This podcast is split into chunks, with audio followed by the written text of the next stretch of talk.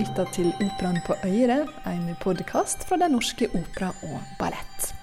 Jeg heter Camilla Yndestad, og i denne episoden skal vi pirke litt bort til det spesielle med Richard Wagner, både musikken og det rundt. Visste du f.eks. at det originale partituret til Valkyrien var gitt i gave til Hitler, og at det aldri har blitt funnet? Eller at samme opera faktisk er en av de absolutte favorittene til den nye operasjefen vår, Randi Stene? Ikke det, nei. Da må du nesten henge med videre, for vi skal nemlig også drømme oss bort til festivalbyen Bayreuth.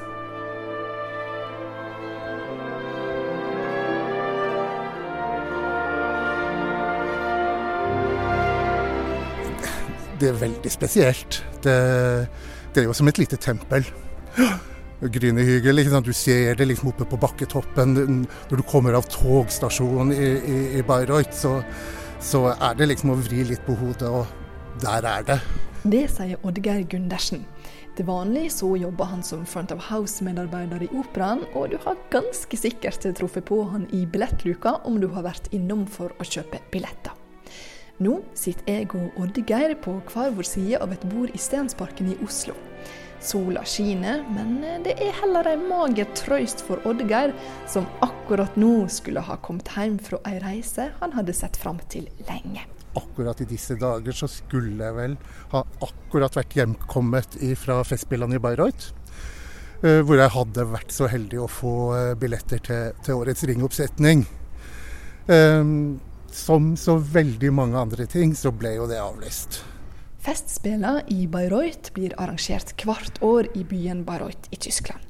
Festspillene ble grunnlagt av komponisten Richard Wagner i 1876, og repertoaret ja, det består av Wagner sine operaer, ja, med unntak av Beethoven sin niende symfoni, da, som Wagner beundrer. Som solister så medvirker leiende operasangere fra mange land, og orkesteret er sammensatt av musikere fra de fremste tyske orkestrene. Stemninga under festivalen, den er helt spesiell. Første par gangene jeg var der, så var det jo veldig sånn uh, oppstæsja.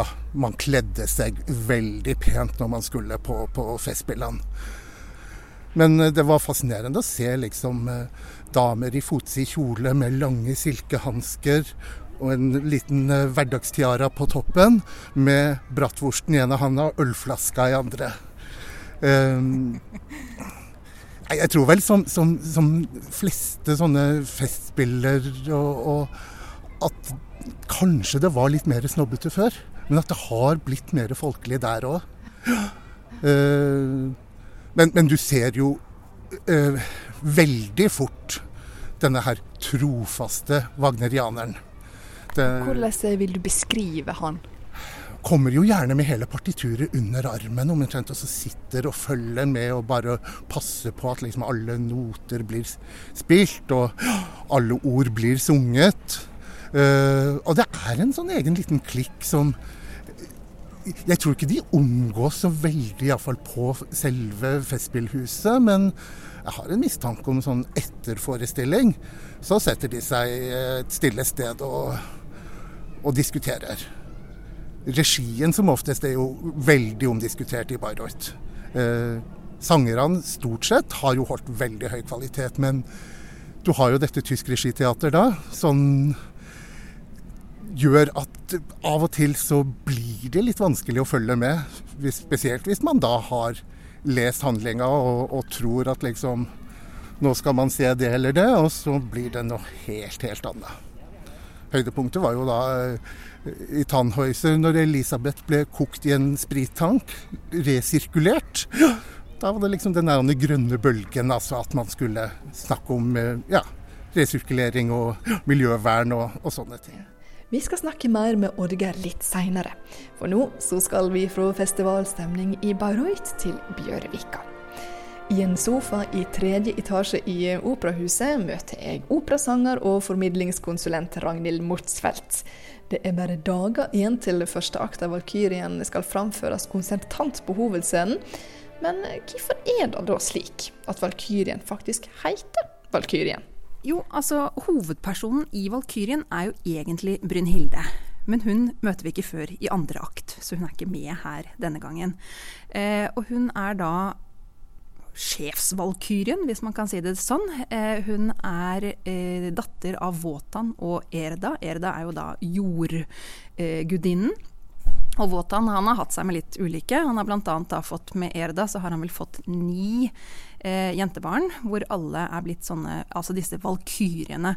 Og jobben til valkyriene det er å dra ned på jorden og hente helter som har gitt sitt liv på eh, slagmarken. Altså Mange ser jo på ringen som et veldig sånn komplekst og vanskelig verk å trenge inn i. Altså, hva, hva tenker du om det? Jo, Ringen er jo på en måte et utrolig komplekst verk som består av eh, fire lange operaer. Vi har jo først Ringgullet, og så er det Valkyrien, og så kommer Sigfrid, og så kommer Ragnarok helt til slutt. Disse her tar jo 15 timer til sammen, eh, som det ofte blir regna med. Ja, noe sånt. Noe sånt. Men, og man kan jo studere disse operaene til man blir helt grønn. Eh, og sikkert noen som bruker hele livet sitt på dette her. Men samtidig så tenker jeg at historiene i disse fire operaene er egentlig ganske enkle. Det er rett og slett eh, altså norrøn mytologi som er blandet med en slags tidløs menneskelig historie. Altså Når det gjelder handlinga i selve Valkyrien, hvordan vil du eh, gå inn på den? Handlingen i Valkyrien er egentlig ganske enkel. Eh, vi har da Sigmund som er på flukt fra eh, noen som jager ham. Og ute er det tordenvær, og han søker tilflukt i et hus han finner på veien. Eh, her inne så møter han Siglinde, som bor i dette huset. Hun er gift med Hunding. Og eh, både Siglinde og Sigmund de er to ganske ulykkelige personer. Begge har hatt det tøft eh, opp gjennom tiden. Um, og, og, det de ikke vet, er at de faktisk er eh, tvillinger. Tvillingsøsken. Og eh, de venter da på at Honning skal komme hjem. Og Hunding han skjønner nok at han ser likheten mellom disse to, og skjønner at dette kanskje er disse to tvillingene som ble skilt eh, i barndomsårene. Eh, men han bestemmer seg likevel for å, ja, for å være gjestfri mot eh, Sigmund.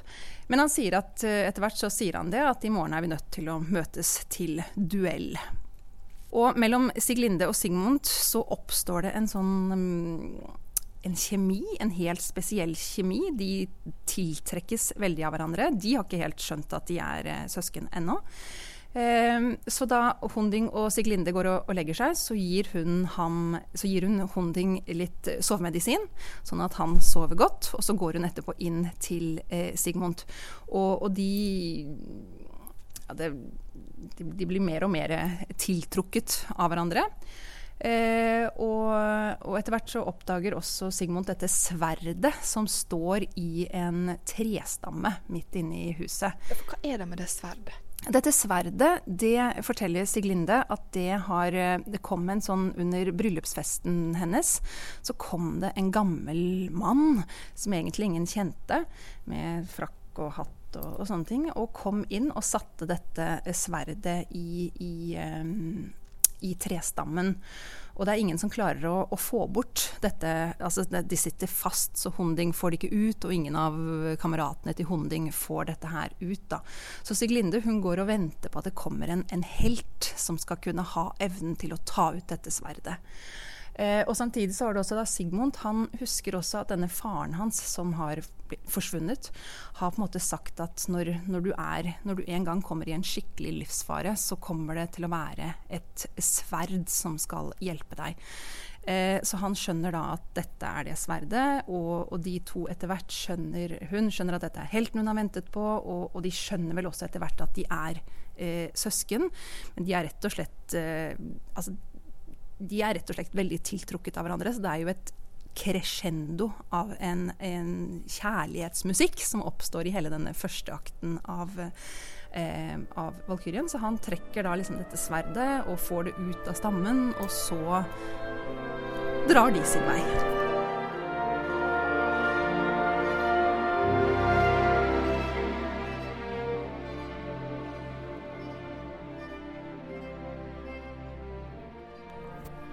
Bak ei dør i en for tida tom korridor sitter operasjef Randi Stene. Hei. Hei. Stene har sjøl stått på scenen i flere Valkyrieproduksjoner, og kan fortelle at det er flere grunner til at det var akkurat første akt av denne operaen som nå skulle finne veien til hovedscenen. Nei, og det er jo en av tingene. Jeg kan jo bare ta alle mine Veldig fort kan jeg ta alle mine yndlingsopera og sette opp på usedvanlige måter. Eh, på den måten så har jo alt åpna seg. Og Grunnen til at vi gjør bare første akt, da, som vi skal gjøre her nå, er jo fordi at vi forholder oss til et veldig strengt smitteregime akkurat nå. Og vil gjøre det enklest mulig, ikke bare for oss, men også for publikum, at de ikke skal sitte for lenge i samme rom. og sånn som, eh, Så, så det her blir altså første akt av Valkyrien, da. Og um, ja, grunnen til at vi tar det, det er jo absolutt en av mine favorittoperaer sjøl. Uh, det er en opera jeg har gjort veldig mye. Eh, det er også en sånn eh, I og med at vi gjør bare første akt, så er det på en måte en historie som blir fortalt som selvfølgelig ikke er avslutta, fordi du, du følger, jo, følger, jo, de gjennom eh, det meste av ringen. Men, hele ingen. Men du får liksom et sånt stemningsbilde som er som bærer seg bare ved å gjøre en, en enkelt akt. Altså, så hvorfor det ble Valkyrien, det er fordi det er en av mine absolutt favoritter. Uh, og for at jeg syns Jeg vet også at det er et ønske her på huset om å gjøre litt mer Wagner. Og da, nå kommer vi litt billig til det. Da får vi øvd oss litt på første akt, og så kan det være vi får gjort hele produksjonen en gang. For det skulle jo egentlig, hvis alt var gått etter planen, avslutte eh, som operasjef i Trondheim i rolla som Frikka, mm. vet jeg, i Valkyrien. Mm. Er det ren tilfeldighet at det ble Valkyrien nå eh, i høst her eh, i operaen? Uh, ja, egentlig så har ikke det noe med hverandre å gjøre. Det, men det er klart, uh, det var jo friskt i minne, for å si det sånn. Um, men jeg tenker Trondheim de, nok, de, skal nok gjøre det, de også, litt senere. Så jeg, det, er sams, det, er i avtale med dem da, at jeg får lov å gjøre det her også.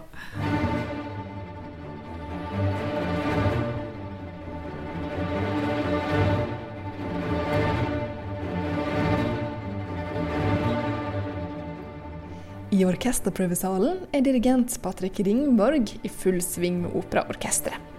Han opplevde Wagners 'Ringen' for første gang som tolvåring, og er like fascinert den dag i dag. Jeg tror at det er flere skäl. Dels at det er en musikk som har en helt egen kraft og som trollbinder veldig mange mennesker på et spesielt sett som egentlig ingen annen, åtminstone operatonsettere, gjør. Det, det fins mennesker som älskar Wagner och reser genom halva världen för att gå på föreställningar. Och det tror jag är en egenhet. Jag, kan inte, jag tror inte att det är på samma sätt med Verdi eh, eller med eh, Puccini, även om de säkert har fler lyssnare kanske. Men Wagner, det är, antingen älskar man Wagner eller så hatar man. Och väldigt många älskar Wagner. Det är ett skäl. Sen är det skälet också att det är ett verk som är skapat av en person. Eh, han skrev texterna själv, han eh, tonsatte sina egna texter och ändrade i dem. Så att det var ett väldigt enkelt samarbete eftersom han samarbetade med sig själv. Och det gör att verken har en väldigt hög genomgående kvalitet. Sen är det också att de är så aktuella. Hela ringen till exempel, renguldet är ju på ett sätt en um, ett upprop till socialism, kan man säga. Men samtidigt är det också som scener ur ett äktenskap av Bergman när, när Våtan säger att jag har byggt det här fina huset åt dig och du fick precis allt du pekade på. Du har fått en stor TV och en Porsche och då kan väl jag få ligga lite med andra kvinnor. Eh, och det här är skrivet eh, för mycket, långt över hundra år sedan och är fortfarande så aktuellt. Sen finns det en annan aspekt som jag berättade om för orkestern som är väldigt spännande, nämligen att originalpartituret till Valkyrian har kommit bort för att Hitler fick det i present 1935 och hade det i bunkern. Och tog livet av sig och när Röda armén kom så förmodligen så tog någon det. Och några staplar med brev av Wagner och några andra partitur som har varit borta sedan 1945. Ingen vet hva de er. Tilbake i Stensparken sitter Oddgeir og mimrer om sitt første møte med Wagners musikk. Jeg tenkte bare det her er fryktelig pompøst. Det her kommer jeg aldri Da hadde jeg veldig sansen for romantisk bel canto-opera og, og tenkte jeg at nei, Wagner, nei takk, ikke noe for meg. Men så kommer det liksom sånn snikende liksom litt under huden. og Så er det liksom kanskje noen sånne store arier som du, du, legger litt merke til, og blir litt nysgjerrig på hva, hva er det som skjer her. og så, så det var jo liksom Tannhäuser som liksom ble den første Wagner-operaen som jeg satte meg seriøst ned og hørte på. Og ble helt bitt av basillen. Hva er det med Wagner sin musikk, tror du, som gjør at folk eh, får en sånn eh, kjensle som du opplevde der? Oi, hadde man bare visst det. Altså, noen påstår jo at Wagner er filmmusikkens far. Eh, det her med ledemotiv. Eh, personer har sine motiver som ligger i musikken. Også type handling liksom er og der.